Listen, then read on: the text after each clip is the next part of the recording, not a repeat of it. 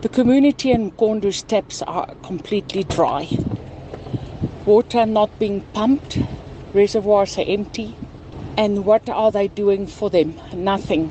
Empty promises, promise that they will attend to issues on the main waterworks, new waterworks, raw waterworks. The complete infrastructure at Mkhondo municipality is in a mess.